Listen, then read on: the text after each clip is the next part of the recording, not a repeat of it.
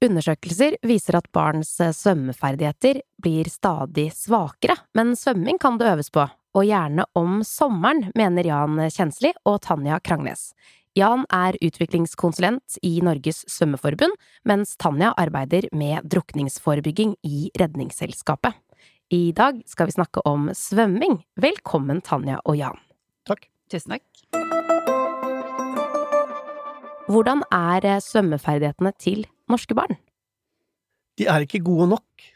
Vi skulle ønske at de var langt bedre. Vi er dårligst i Norden, har vært det i 20 år, og det skjer ikke noe. I fjor var det ca. bare 50% av norske tiåringer som kunne svømme 200 meter eller mer. For det er 200 meter som på en måte er grensen for om du er svømmedyktig eller ikke? Ja, litt sånn kort forklart er det Ja. det, men egentlig så er jo den definisjonen på svømmedyktighet i Norge at du skal kunne falle uti på dypt vann, svømme 100 meter på magen, dykke til en gjenstand, flyte tre minutter på mage og rygg, svømme 100 meter på ryggen, og så komme seg opp på land. Ja. Hvorfor tror du det er sånn? At vi er så innmari dårlige på det? Det er nok litt sammensatt, men um, det er nok i skoleverket for få timer Mm. eh, til svømmeopplæring, og så skorter det nok også på kompetanse mange steder. Føler du at foreldre har et mye større ansvar der, kanskje, i og med at det ikke er nok tid på skolen? Både ja og nei, fordi eh, mange foreldre kan ikke svømme, og da har heller ikke de den kunnskapen de trenger for å hjelpe barna sine. Mm. Men jeg tror at hvis man hadde hatt et bedre samarbeid mellom skole og hjem, så kanskje foreldrene kunne gjort en god del, hvis bare skolen forteller dem hva de skal bidra med. Mm. Det er jo varmt nå, og det er sommer, og det er jo selvfølgelig en fin måte, da. eh, Og et fint sted å begynne hvis man skal lære barna sine å svømme. Men hvordan går man fram? Hvordan lærer man barna sine å svømme? Første, og kanskje det viktigste fra å si babyalder, er egentlig mm, sørge for at barnet er eh, vant til å ha vann i ansiktet. Det viktigste man bør starte med å lære, er å ha eh, hodet under vann. Det er også det første som skjer hvis man faller fra en brygge. Mm. Hvis man håndterer det å ha hodet under vann, så er man på en måte rusta for det som kommer etterpå. Neste man prøver på, er å lære å flyte. Første gang man prøver å flyte, så går det mest sannsynlig ikke bra, men da er jo det prinsippet et dykk, og det har man jo lært. Ja. Og så får man flytte på ryggen, flytte på magen, begynne med litt hjelp, kanskje bare en hånd under ryggen hvis de flytter på, på, på ryggen. Når det går fint, og de kan flyte som en sjøstjerne eller pil eller hva det måtte være, så går man videre til å lære barna å gli i vannet, og deretter kan man begynne å putte på beinspark, armtak, enten det er på magen eller på ryggen eller hva det måtte være. Ja, så det er flyting egentlig som er det første man skal øve på. Å flyte. Ja. Veldig sånn hodet under vann, hodet under vann først, og så flyte. og så flyte. For flyter man godt, så har man på en måte grunnlaget for å gli godt og ha en effektiv måte å svømme på. Man Mm. bruker ikke masse krefter på å komme seg frem, for man flyter godt og er i vannrett posisjon. Mm. Jeg tror det er ganske mange barn som Og vi har en egen datter også, som blir fire år i august. Eh, og jeg putter jo på en armringer. Og jeg har redningsvest selvfølgelig i båten, men også ha på redningsvest hvis vi er ute hvor man kan falle uti. Det er greit nok på dypt vann og sånn. Men er armringer egentlig så lurt? Anbefaler du armringer? Eller Nei. ødelegger det? Armringer som et verktøy i svømmeopplæring er ikke lurt. Nei. Eh, armringer det bidrar til at du får en feil posisjon i vannet. Det er, så er det vanskelig å ta av. Det er nesten som støttehjul på sykkel. Det hjelper litt, men altså man lærer ikke å sykle med å ha støttehjul hele tiden. De må av. Men det er veldig praktisk, da. Hvis du er forelder, og så vet du at de har på seg armringer, så er det sånn ok, men da, du, da har du det fint. Det er Ja. sånn. Men så er det sånn, eh, armringer er jo Hvis man ser på den teksten som står på det, så står det egentlig at- det er en leke. Ja. Og hvis man da sommeren, solkrem, vann Blir det glatt, så kan de fort eh, skli av. Ja. Eller du kan komme borti noe skarpt, og så går det hull i de, og da er det ikke noe hjelp. Er det noe annet man kan bruke som funker bedre? Jeg ser de selger sånne vester med noen flyteelementer i sånne svømmevester, og det er jo sånne haifinne du kan ha på ryggen hvor den stikker opp. Altså er det noe annet man kunne brukt som på en måte kan Som ikke ødelegger eh, svømmeferdighetene nødvendigvis, da? Eller det å lære seg å svømme? Jeg, jeg tenker egentlig at det er best å prøve å unngå å bruke masse hjelpemidler for å lære å svømme. Mm. Altså enten så bruker man eh, redningsvest fordi at man er i båt og skal ha det som måte et sikkerhetsplagg, Eller så tenker jeg heller at det er bedre om eh, foreldre er ute med barnet og bruker minst mulig flytemidler, og lærer å skape trygghet uten, vi, uten hjelp av enten det er vester eller ringer eller hva det måtte være. Hørte du det, mamma og pappa? Det blir en litt mer hektisk eh, sommer, og kanskje litt mer bading på deg enn det pleier å være. Mm. Men så deilig det blir når de lærer seg å svømme, gitt. Mm. Det er jo mange steder å lære seg å svømme. Du kan jo være innendørs i en svømmehall, eller man kan være ute, som er fint nå. Er det lurt å være ute og svømme? Ja. Hvorfor det? Det er jo et helt annet miljø enn innendørs. Klart det er fornuftig å kunne begynne inne, men ute, ulik temperatur, ulike strømforhold, bølger. Så det å på en måte håndtere ute er jo helt avgjørende i forhold til å kunne vite hvordan kroppen påvirkes da, av eh, ulike typer vann, strømninger osv. Det er ikke det samme som inne. Og så er det morsomt her ute òg. Det er det. Men hvorfor er det så viktig å lære barn å svømme, da?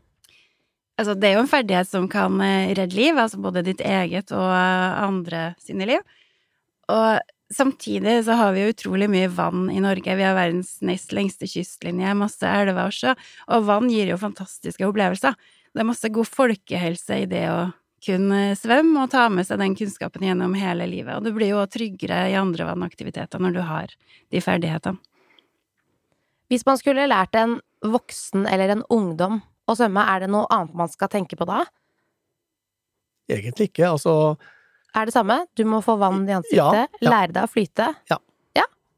det er, det er det samme om det er barn eller voksne. Det er kanskje litt uh, ulik fremgangsmåte i, i forhold til hvordan man si, snakker og kommuniserer med barn og ungdom og voksne, men metodikken er det samme. Finnes det noen slags sånn familiekurs der man, hvis man er forelder da, og ikke kan svømme selv, det kan jo være litt guffent og kanskje litt sånn pinlig, altså skal jeg begynne med det nå, liksom, jeg er 47 år, jeg kan ikke svømme og det har gått greit hele livet. Men finnes det noe som man kan ha med, som man liksom som forelder og barn kan lære seg å svømme sammen? Det er ikke så veldig vanlig at det er barn og foreldre sammen, men det finnes jo gjerne svømmeopplæringstilbud for barn og svøm- svømmeopplæringstilbud for voksne. Det kan være tilbud enten helt nybegynnernivå for voksne, det kan være i forhold til å lære seg crawl.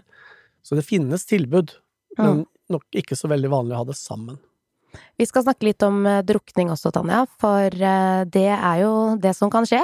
Spesielt hvis man ikke kan svømme, men også av andre grunner. Hvem er det som drukner, og hvorfor?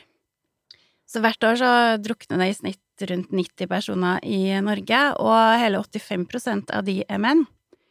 De som er mest utsatt, det er ja, ungdom og unge voksne, og så er det vi som er mer voksne, 40 pluss, og spesielt de som er 60 år oppover, faktisk. Hvorfor tror du det er sånn?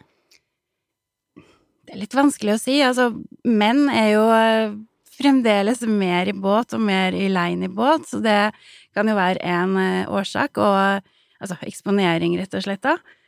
Og så tenker vi at menn i større grad overvurderer egne ferdigheter og undervurderer risiko, og det er mange som skal bare, og så har det gått fint, da, i 60 år, men så skal man bare en gang til, og så går det nødvendigvis ikke så bra. Og så endrer jo helsa seg med åra, så det kan jo være en medvirkende årsak.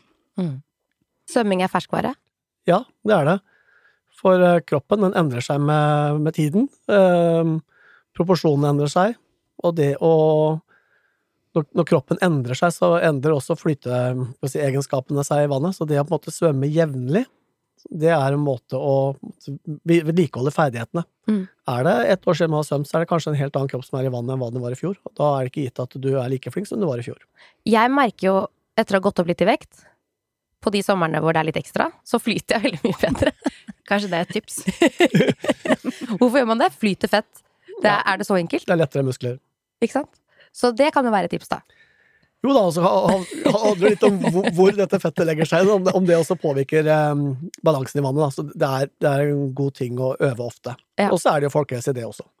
Hvor mange ganger bør man egentlig svømme for å holde det ved like, da? I løpet av året? For jeg mener, det er ikke så Det er ikke alle som fristes til å gå inn i en svømmehall på vinteren eh, fullt av folk liksom for å svømme, men hvor, hvor mange ganger i året bør man liksom svømme for å holde det ved like?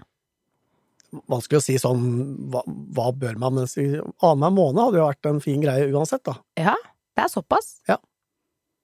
Så er det folkehelse. Trening. Så finnes det jo mye gode badevettregler, da, som er lurt å følge. Uansett alder, sånn bad alltid sammen med noen, for eksempel. Svøm langs land i stedet for langt ut. Og ikke minst sjekk forholdet der du er, Vit at du kommer deg trygt opp opp eh, av vannet og ned i vannet. Da jeg vokste opp, så sa alltid mamma og pappa til meg at det ikke er lov å bade. Hvis man har spist, da må man vente en time. er det en myte? Var det bare mamma og pappa som var late og ville slappe av den timen mens jeg holdt på med en bøtte på stranda, eller er det noe i det? Det er en myte. Jeg har blitt utsatt for akkurat det samme, så jeg har fått foreldre og vil ha litt fri etter middag. Ja, det er, så, det er bare Ja, det. ja. Der hvor jeg bor, så er jeg jo veldig nærme en strand, og jeg er veldig, veldig mye på stranden i løpet av hele sommersesongen. Og innimellom så ser jeg jo for eksempel noen barn i en gruppe hvor jeg ser at eh, flere av barna er ganske svømmedyktige, de har eh, liksom hodet godt over vann, men så kanskje man ser en som har hodet litt sånn under vann. Burde jeg si fra da?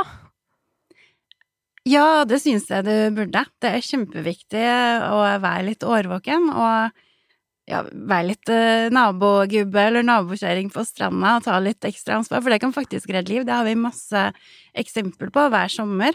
At noen er ekstra oppmerksomme, ser at noen er i trøbbel, spør om det går greit. Og hvis de ikke får svar, så er de i hvert fall i trøbbel. Hvis du får en tommel opp, så er det helt fint. Men eh, det å følge med ekstra, løft blikket, er potensielt livreddende. Det er jo ikke så mange som har eh, vært vitne til en drukningsulykke. Eh, man har kanskje sett det på film, og den er jo kanskje litt annerledes enn sånn som det er i virkeligheten. Hvordan skal man se, eller hvordan Hva skjer når man drukner? Hvordan ser det ut? Ja, på film så er det jo roping etter hjelp og veiving med hender og plasking i vannet og sånn, men sånn er det som regel ikke i virkeligheten. En som holder på å drukne, er som regel helt stille fordi vedkommende bruker alt av energi på å prøve å holde munn og nese over vann, eh, og prøve å puste og holde seg flytende. Og da har man ikke kapasitet til å rope om hjelp, eh, rett og slett. Så man ligger kanskje og dupper med hodet litt bakover i vannskorpa. Og det kan jo skje blant mange Midt blant folk, rett og slett. Vi ser jo det hver sommer at mange av de som drukner i forbindelse med bading, er sammen med andre, men ingen oppfatter det. Mm. Så derfor det å løfte blikket, følge med og vite at det skjer stille, superviktig. Ja, det er ganske guffent. Hvis du da ser en som mister bevisstheten, eller som ikke svarer på, på tilsnakk, Mm. hva, hva skal man gjøre da? Hva er det første man skal gjøre?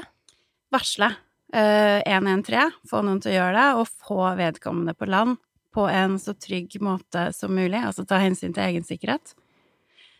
Og så Ja, vi kan jo snakke litt om hvordan du tar hensyn til egen sikkerhet, kanskje, for det er jo viktig. Vi, vi har det vi kaller en livredderregle, og så sier vi at en tørr livredder er en god livredder. Så hvis du kan redde vedkommende fra land, er jo det det beste. Altså om du kan rekke ut en gjenstand, eh, et eller annet som er langt du har i nærheten, eller om du kan kaste ut en livbøye og få vedkommende på land, så det er fint. Alternativt eh, ta et suppbrett eller eh, ro ut til vedkommende. Eller hvis du må svømme ut, så bør du være en god svømmer sjøl, og så bør du ha med en forlenga arm, altså noe som flyter mellom deg og den som holder på å drukne. For en som drukner, har jo panikk, og kan lett dra deg under og begynne å, klatre på deg, og da kan jo begge to havne i trøbbel. Ja. Er det noen teknikk hvis man ikke har noe, da, med seg, som kan flyte, om man ikke kan være en tørr redder? Hvordan skal man egentlig plukke opp en som ligger bevisstløs i vannet, og svømme med den personen inn til land? Ja, hvis han er bevisstløs, så vil jo ikke vedkommende gjøre motstand. Nei. Eh, Så da kan du jo for eksempel ta tak i haka til vedkommende bak, og så svømme inn på ryggen. På, Mm, ja. ja. Når først uhellet er ute, du har jo vært inne på det, Tanja, at da skal man jo selvfølgelig varsle 113 og få vedkommende opp på land. Um, men hva, hva skal man begynne med hvis du da ikke får varslet 113, ikke får noen på telefonen?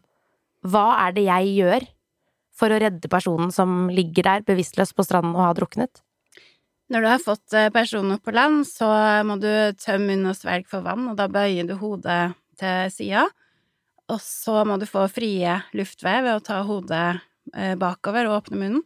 Og så må du sjekke om personen puster normalt. Sjøl om han er bevisstløs, men hvis vedkommende puster normalt, så legger du eh, personen i stabilt eh, sideleie og følger med på pusten til du får hjelp. Hvis personen ikke puster, må du starte hjerte- og lungeredning.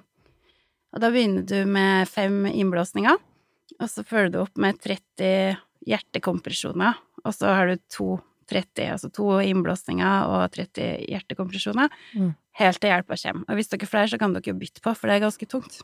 Ja, for du skal presse ganske mye hardere enn man tror. Ja.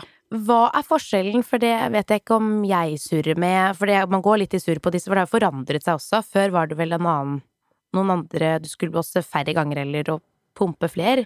Det var et eller annet år det forandret seg, men hva er forskjell på en voksen og et barn, for eksempel? Er det noe forskjell der? Ja, er det det? På vann, du skal starte med innblåsninger. Ja, men det er akkurat det samme. Fem innblåsninger på barn også. Jeg, jeg tror det viktigste uansett er å gjøre noe. Ja. Så husker man det Tanja sa med starte med fem innblåsninger, og så 32 i forhold til kompresjoner og, og innblåsninger, så gjør du alt rett. Ok. Og så bruker du mindre krefter selvfølgelig på et lite barn. Altså på en baby så bruker du bare to fingre. Mm.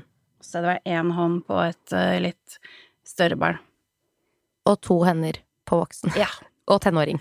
Ja, Ja. full kraft. Full kraft. Ok, så det er fem, det må vi bare få med oss. Du starter med fem innblåsninger, så er det 30, 2, 30, 2. Hvor lenge skal man holde på? Eh, Helt til hjelpa kommer. Eller vedkommende da våkner opp, skal jeg til å si. Mm. Mm. Livredningskurs er jo fint å kunne ta. Er det noe sted man kan gjøre det? Absolutt. Eh, Vi har laga i Redningsselskapet et digitalt livredningskurs med en introduksjon, der du både lærer risikovurdering, eh, hvordan du berger deg sjøl, og ikke minst hvordan du kan berge andre, og hvordan du gjennomfører førstehjelp. Og det ligger på sjøliv.rs.no. Det tar 20-30 minutter å gjennomføre. Er gratis. Åpen for all, Og vi anbefaler det til ta det familie, som familie sammen, eller eh, dere som er foreldre. Og være litt bedre forberedt, rett og slett. Og her er det noen enkle læringsspill, videoer og en quiz. Og så sitter du igjen med litt mer kunnskap etterpå, som faktisk kan redde liv i sommer. Det er fantastisk. Er det noe man kan Er det noen forberedelser man kan gjøre før man drar på stranda? Med tanke på ulykker og drukning og så videre? Har selvsagt først sjekke dybder og sånt, noe så du vet hvor man skal hoppe og ikke hoppe, men i forhold til sikkerhet, se etter redningsutstyr, om det er en uh, redningsstang, line, bøye tilgjengelig, så at du vet hvor det er hen, i tilfelle noe skulle skje. Det har jeg aldri tenkt over engang. Tanja og Jan, tusen hjertelig takk for at dere var gjest i Sjøliv. Tusen takk. Takk for oss.